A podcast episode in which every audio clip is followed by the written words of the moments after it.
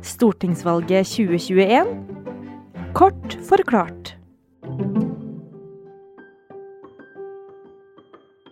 Er du helt sikker på hva du skal stemme, og hvorfor? I denne serien så gir vi deg det viktigste du trenger å vite, sånn at du føler deg litt tryggere når du går inn i valglokalet. Vi tar for oss parti for parti, og nå er det altså det kristendemokratiske sentrumspartiet Kristelig Folkeparti Det trengs et skifte i norsk politikk. Fra arbeidslinja til familielinja. Med partileder Kjell Ingolf Ropstad. Det å gjøre hverdagen enklere for familier var noe av det aller viktigste når KrF gikk inn i regjering. Og når jeg snakker med familie, så er det nettopp det å ha mer tid sammen de er opptatt av. Som skal under lupa. Året er 1933, og Hordaland Venstre skal bestemme seg for hvem de vil ha inn på Stortinget. En av dem som har veldig lyst til å bli valgt inn, er en 50 år gammel bartemann som har en rå CV med styreverv både her og der, og mange kristne tilhengere. Jeg burde jo være en klar toppkandidat. Tenker Nils Lavik, men sånn går det ikke. Han får ikke nok stemmer. Shit, ass. Helvete. Faen, altså. Eh, nei, ikke helt sånn, kanskje. Men jeg tror følelsen er riktig, for etter det her så meldte han seg ut av Venstre og ble med på å starte Kristelig Folkeparti.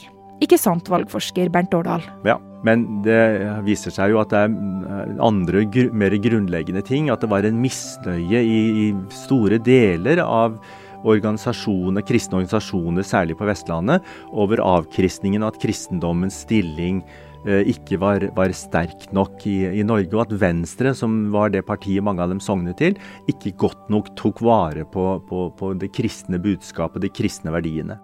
Det her det var det selvfølgelig flere enn folk i Hordaland som var opptatt av, så etter andre verdenskrig så vokste partiet.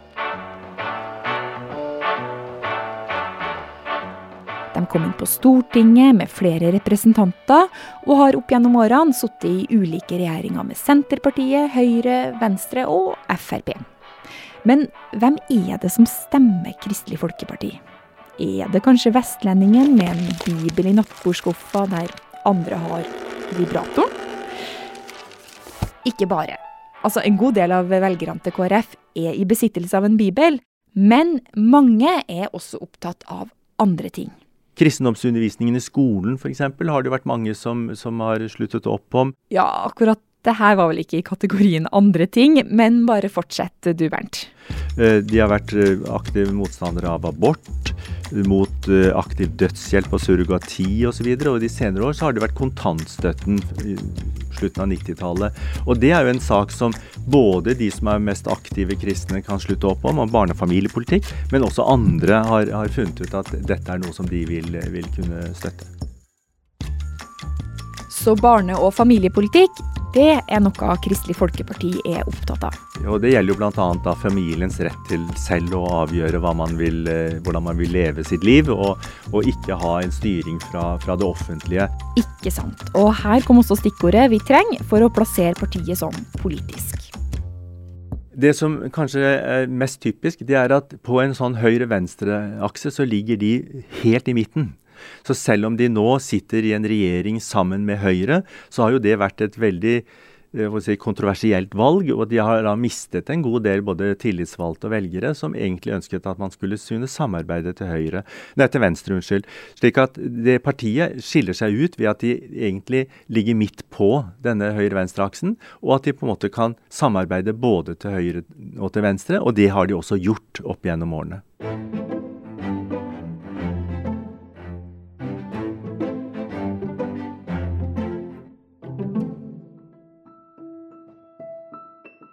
Så der KrF virkelig skiller seg fra andre partier, det er i en del verdispørsmål. Og nå da, Aftenposten-journalist Sigrid Gausen, nå er det valgkamp, og hva er det KrF er opptatt av?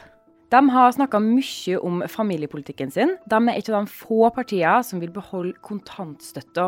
Og kontantstøtta er jo en økonomisk støtte til bl.a. foreldre som heller vil være hjemme med ungene sine enn å ha dem i barnehagen. Eh, de mener at dette kan gi fleksibilitet til de familiene som vil, som vil bruke, bruke, den. Da. I tillegg så går de òg til valg på å skrote tredelinga av foreldrepermisjonen skjønner. Og på meningsmålingene så ser det jo ut til at dette valget egentlig er et veldig spennende valg for KrF.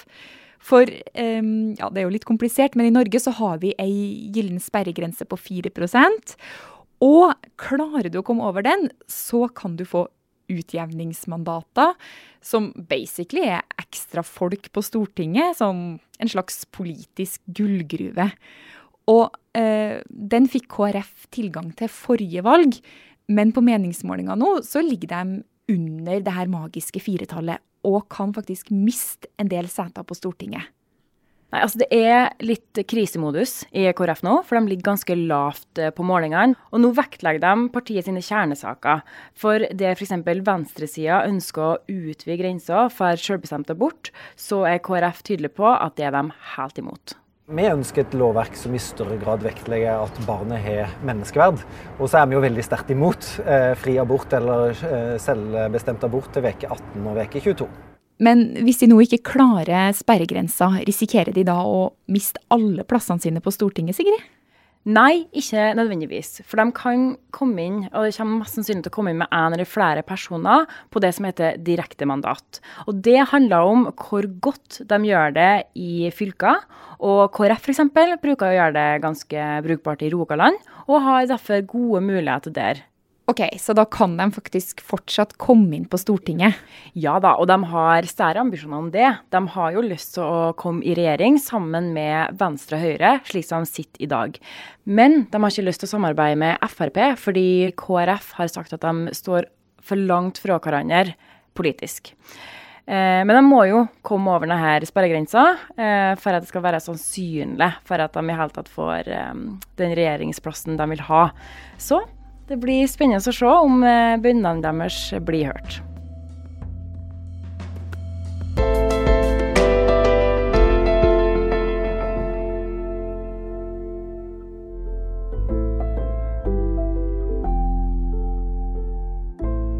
Venter du i spenning for en fun fact til slutt?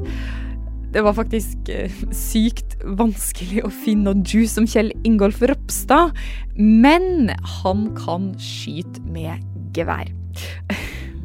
OK, det her holder faktisk ikke. Um, men i neste episode så blir det bedre sladder.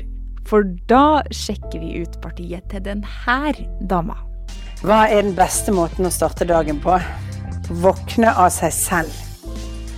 Ikke å ha en vekkerklokke som ringer. Stortingsvalget kort forklart er laga av Fride Næss Nonstad, med Marit Eriksdatter Gjelland og Guri Leiel Skedsmo. Du har hørt lyd fra KrF, NRK, VG og Høyre.